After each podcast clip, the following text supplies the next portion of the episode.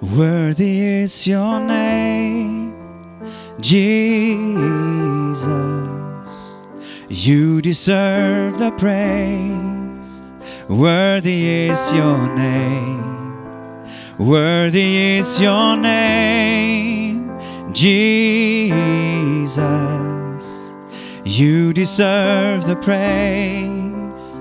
Worthy is your name.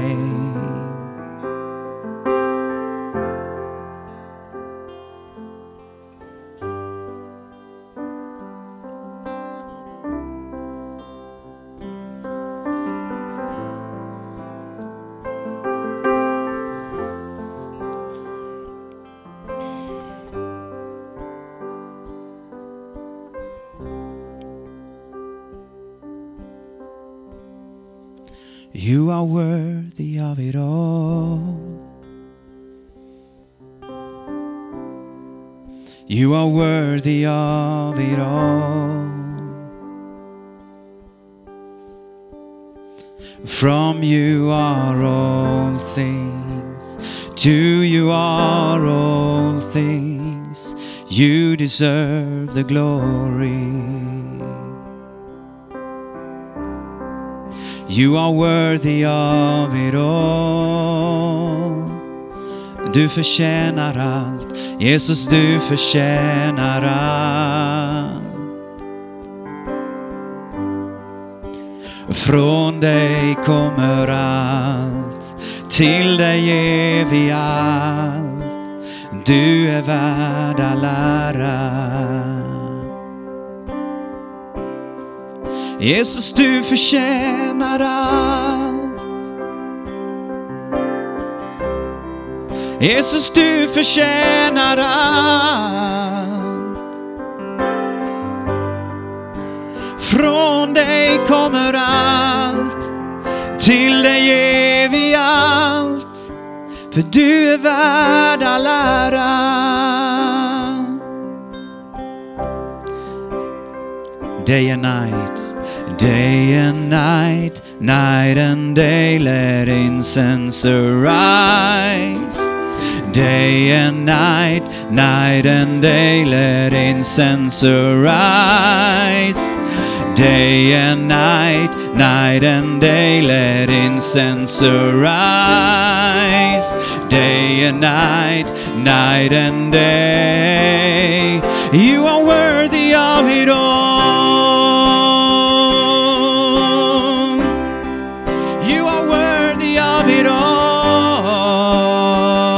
you are. From you are all things, to you are all things. You deserve the glory. Jesus, du förtjänar allt. Jesus, du förtjänar allt.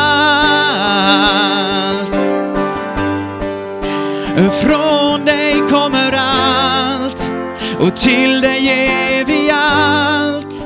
För du är värd all ära. Jesus. Du förtjänar allt. Du förtjänar allt. Från dig kommer allt och till dig ger vi allt. Du är värd all ära.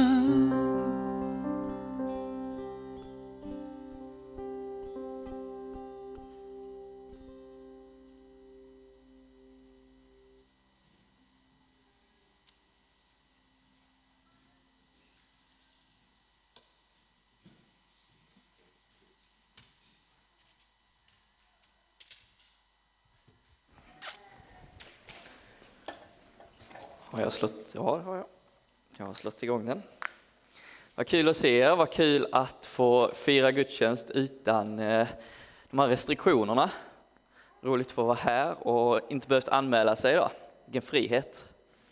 Eh, Emil Nilsson heter jag eh, och eh, har varit med i den här församlingen sedan 2013. och är glad att få vara en del av den här församlingen. Eh, idag så eh, får jag ha med mig många härliga ungdomar som vill göra den här gudstjänsten tillsammans. Som eh, har varit med och planerat och fått önska vad ska vi göra den här gudstjänsten och hur ska vi utforma den här. Och så glad över frimodighet att ha både mötesledare och tekniker och folk som gör drama och är kyrkvärdar. Och, ja, det är väldigt roligt att, att göra det här tillsammans. Eh, och eh, om jag ska säga något kort om Cornelius så är vi en ungdomsgrupp på 10 till 15 ungdomar. Eh, glad att få behålla många ungdomar även under pandemin, att vi har fått ha igång ungdomsgruppen och och göra det vi tycker är kul tillsammans och framför allt få möta Gud tillsammans. Eh, det är det som driver mig att få att gå dit varenda fredagkväll, eh, kväll efter kväll, att få vara med och se ungdomar växa.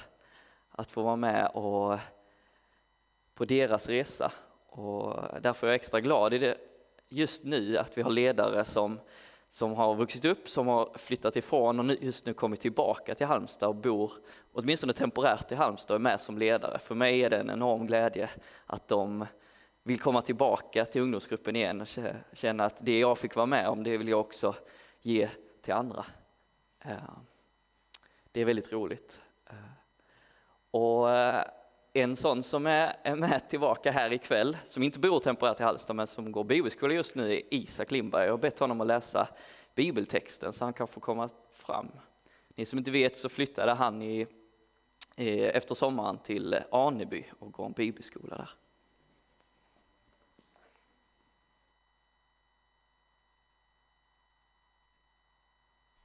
Hallå. Så. Jag ska läsa liknelsen om den förlorade sonen i Lukas evangeliet kapitel 5, vers 11 till 32. Där står det, vidare sa han, en man hade två söner. Den yngre sa till sin far, far, ge mig min del av egendomen. Då delade han sin egendom mellan dem. Kort därefter packade den yngre sonen ihop allt sitt och for långt borta till ett främmande land. Där förde han ett utsvävande liv och slösade bort det han ägde. Men när han hade gjort slut på allt kom en svår hungersnöd över det landet och han började lida nöd. Då gick han bort och slöt sig till en av inbyggarna där, som skickade ut honom på sina ägor för att vakta svin.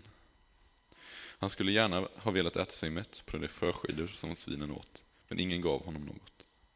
Då kom han till besinning och sa, hur många daglönare hos min far har inte mat överflöd, och här håller jag på att dö av svält. Jag vill stå upp och gå till min far och säga till honom, Far, jag har syndat mot himlen och inför dig. Jag är inte längre värd att kallas din son. Låt mig få bli som en av dina daglönare. Och han stod upp och gick till sin far. Medan han ännu var långt borta fick hans far se honom och förbarma sig över honom. Fadern skyndade emot honom, föll honom om halsen och kysste honom. Sonen sa till honom, Far, jag har syndat mot himlen och inför dig. Jag är inte längre värd att kallas din son. Men fadern sa till sina tjänare, skynda er och ta fram den bästa dräkten och klä honom i den, och sätt en ring på hans hand och skor på hans fötter, och hämta den gödda kalven och slakta den, och låt oss äta och vara glada. Ty min son var död, men har fått liv igen. Han var förlorad, men är nu återfunnen. Och festen började. Men hans äldste son hade varit ute på ägorna. När han kom och närmade sig gården fick han höra musik och dans. Han kallade då till sig en av tjänarna och frågade vad detta kunde betyda. Tjänaren svarade, din bror har kommit hem och din far har slaktat den gödda kalven eftersom han har fått honom välbehållen tillbaka.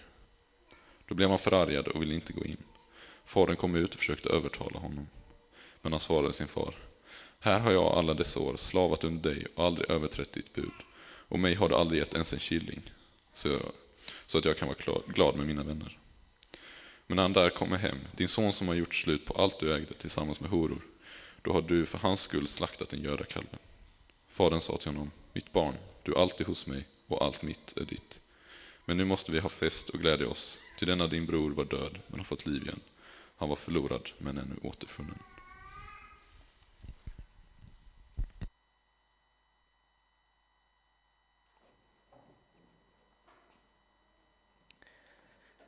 Yes. Ehm, vi har alltså fått höra liknelsen ifrån Lukas om den förlorade sonen. Och eh, jag ska försöka på mig att dela någonting kort utifrån den här. Jag ska väl erkänna att eh, jag kanske inte är mitt mest bekväma element, men utmaningar är utmaningar av en anledning. Ehm, och om man ska börja någonstans så bakgrunden till liknelsen och där vi kommer in i det här, det är att, att Jesus har först kapitlet tidigare varit gäst hos en farisé. Eh, och så, hos denna farisén så samlas det mycket människor som väljer att lyssna till Jesu undervisning när han utmanar de skriftlärda fariséerna. Och människor följer efter honom och fortsätter att lyssna till hans undervisning. Och han väljer att att berätta flera liknelser i, i de här kapitlen, kapitel 14 och 15.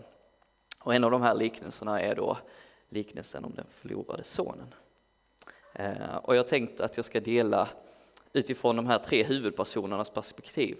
Den förlorade sonen som symboliserar den upproriske syndaren, fadern som symboliserar Gud och den äldre sonen som symboliserar den trogne församlingsmedlemmen. Eh, och om vi börjar då med den yngre sonen som väljer att lämna sin far. Och han väljer att lämna det livet som han lever på, på gården tillsammans med sin far. En stor trygghet. Och vad är det som kan göra att den här sonen då väljer att lämna sin far? Jag tror att någonting verkligen måste ha greppat hans både hjärta och sinne. Någonting måste ha fått honom att få en stark längtan efter någonting annat. Ehm, att lämna det livet och på, leva ett liv utan sin far. Det är så starkt så han ber sin far om att jag vill ha del av arvet i förskott. Och eh, om man läser lite i kommentarer eller runt om i bibeltexten så, så var det på denna tiden väldigt, väldigt starkt att be om arvet i förskott. Ehm, det kan eh, liknas vid att man önskar att sin far var död, att det är det meddelandet man sänder. Ehm. Eh, Eh, och det här visar ju på en väldigt upprorisk son som gör någonting väldigt uppseendeväckande i samhället. Eh, det kan ses att vad är det han gör mot sin far? Hur vågar han göra så här? Eh, och, och det står att han, han packar allt sitt. Han tar allting med sig och han lämnar sin far och det här visar att han har tydligt bestämt sig och jag tänker inte komma tillbaka. Ehm, och för mig, precis som för den här sonen, så tror jag att, att det finns en fiende som vill måla upp en längtan för vårt inre. En längtan efter någonting annat. En längtan efter att göra andra vägval än om Gud vill. Eh, sonen lockas här att pröva ett liv utanför gården. Ett liv utan sin far, ett liv som kanske kan verka spännande, fritt, livfullt, eh, som kanske har eh, snabba kickar att erbjuda. Eh, och precis på samma sätt så tror jag att vi kan, kan ibland falla för frestelsen och lockelsen att, att leva av världen och inte av det Gud har att erbjuda oss. Eh, men här kommer verkligheten, den kommer ifatt den här sonen. Eh, jag tror att den gör det även för oss, oavsett om det är stora eller små beslut som vi väljer, där vi väljer bort Gud. Eh, och det här leder till att, att sonen börjar lida nöd. Samtidigt som han lider nöd långt borta från sin far så drabbar det landet eh, en hungersnöd. Eh, och nöden påverkar sonen och han, han tar drastiska beslut, beslut som han kanske aldrig skulle fattat annars. Han känner jag måste göra någonting här och, och han tar tjänstgöring hos en svinaherde. Eh, och då kan man läsa i, i Moseböckerna om hur svinen är klassade som orena djur. Så det är, en, det är ett drastiskt beslut han tar. Eh, det är någonting som en rättrogen jude aldrig skulle göra, ta tjänstgöring som en svinaherde, för det ansågs vara orent. Eh,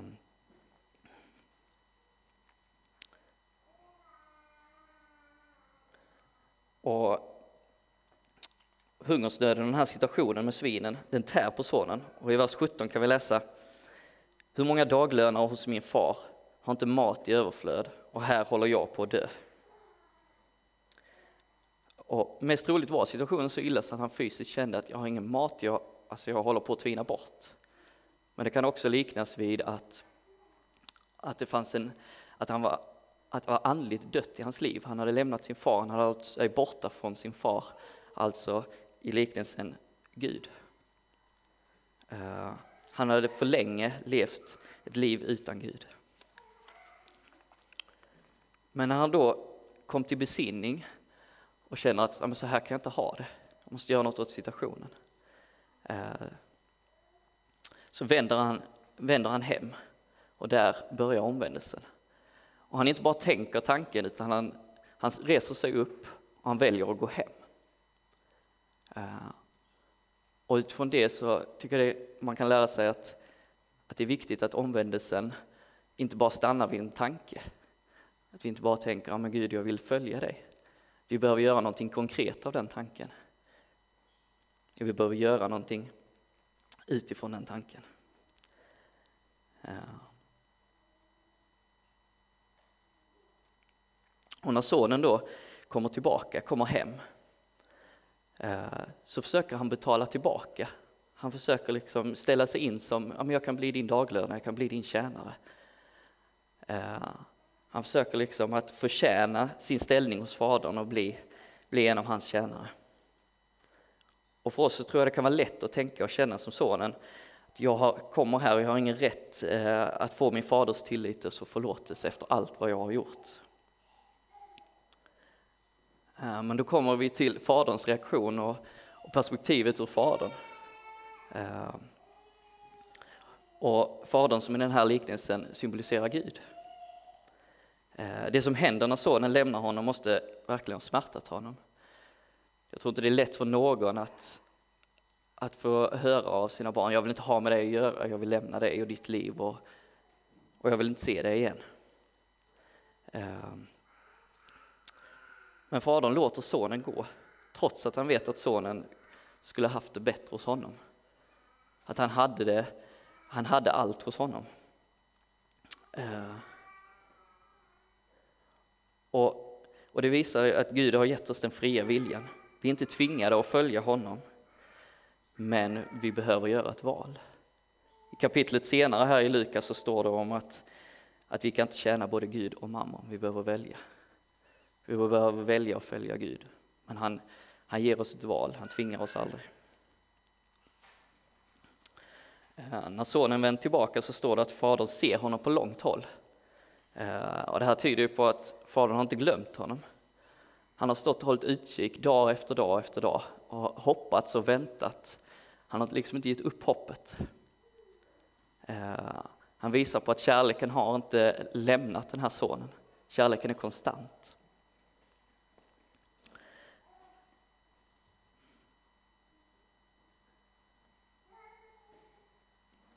Och när han ser honom på långt håll så står det att han skyndar emot honom. Han kan liksom inte hålla sig. Han har så mycket längtan och kärlek till den här sonen så att han kan inte stå tillbaka. Eh, och det, för de som hör den här berättelsen så kan det låta lite märkligt för att en äldre man på den här tiden, man gick, man skyndade sig inte. Man, jag kan inte garantera att han sprang, men eh, en tolkning kan vara att han sprang eh, och det gör man inte i, som en äldre man på den här tiden. Eh, och han kommer till honom med öppna armar. Han kommer till honom och omfamnar honom. Han besitter ingen bitterhet, inget krav på, eh, krav på liksom att han ska betala tillbaka, att han ska göra någonting tillbaka. Eh, och, och han väljer att ja, men nu måste vi hålla fest, nu har du kommit hem, du har kommit tillbaka. Och då kommer vi till den tredje personen i den här liknelsen. Det är den äldre sonen. Den äldre sonen som har stannat alla dessa år på gården och varit plikttrogen och tjänat. Han har varit som den trogne församlingsmedlemmen. Eh, och man kan ju förstå eh, att av texten att den här eh, äldre sonen, han är kanske inte supernöjd över, över att det blir fest över sin bror som har, som har svikit, som har lämnat, som har levt ett liv eh, i utsvävningar, står det i texten. Eh, som, som har levt ett liv bortvänt från sin far, från Gud. Eh, och det kan vara enkelt för oss att känna sympati med den här äldre brodern. Var, varför ställer vi till med en fest när han har gjort så här? Här har jag varit hela tiden och varför bryr du dig inte om mig? Alltså det går så långt så den här brodern väljer att inte kalla den andra brodern som kommer hem då för sin bror längre. Eh, och kanske, kanske är det så för oss ibland. Att vi har gått till kyrkan söndag efter söndag. Vi har inte missat eh, nästan en gudstjänst och vi, vi har kanske längtat efter det där gudsmötet. Och så plötsligt så, så får vi höra ett vittnesbörd av någon som berättar om hur Gud mötte dem, hur Gud förändrade deras liv. Och antingen blir vi kanske glada, men vi kanske också känner att, amen, varför händer inte det där mig? Varför händer det bara, bara de andra? Jag som har gått här och jag har varit din, din trogne följeslagare. Och det är precis det här fokus som jag tror brodern har. Och då svarar sonen, eller då svarar faren honom.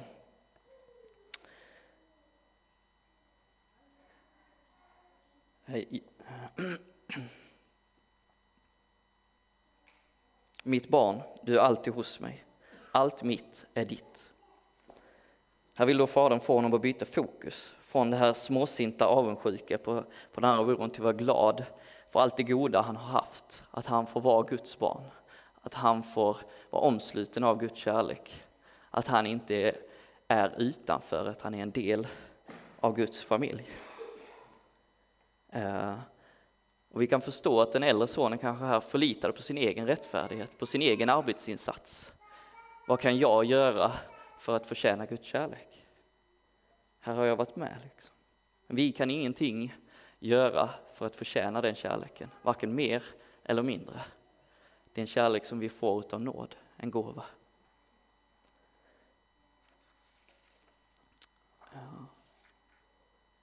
Och till sist så vill jag, vill jag säga någonting om att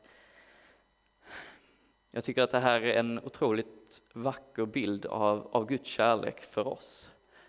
Eh, när han springer med sin öppna famn, eller han skyndar med sin öppna famn efter att vi har lämnat, efter att vi så tydligt har, har valt bort honom. Att det är en kärlek som är villkorslös. En kärlek som vi varken kan göra mer eller mindre för att förtjäna. Men som vi kan välja att ta emot. Eh, och den här liknelsen uppmanar oss också att vara glada eh, och ha fest när människor omvänder, när människor väljer att komma tillbaka till Gud. När vi får bli fler i Guds familj. Och, och jag vill också säga att Gud kallar på dig idag och att du får komma till honom precis där du är. Eh, oavsett vad du går och bär på från den här veckan eller från tidigare i livet så får du omvända dig och komma till Gud.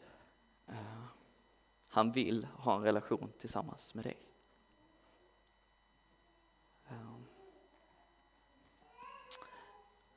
Jag tänker att jag ska avsluta med en bön. Herre, tack för att vi får vara dina barn. Tack för att vi får läsa i ditt ord om den stora kärlek du har för oss. Tack för att vi får komma tillbaka till dig gång på gång på gång. Att vi får mötas av din kärlek eh, och att vi får omslutas av den. Tack för att du vill ha med oss att göra, du vill ha en relation tillsammans med oss. En relation där vi får växa i tillgivenhet och förtroende med dig. Låt oss öppna oss för att ta emot den. Låt oss öppna oss för att omvända oss till dig. Amen. Eh, nu är det så att eh, några ungdomar har eh, frimodigt ställt upp på att, att göra ett drama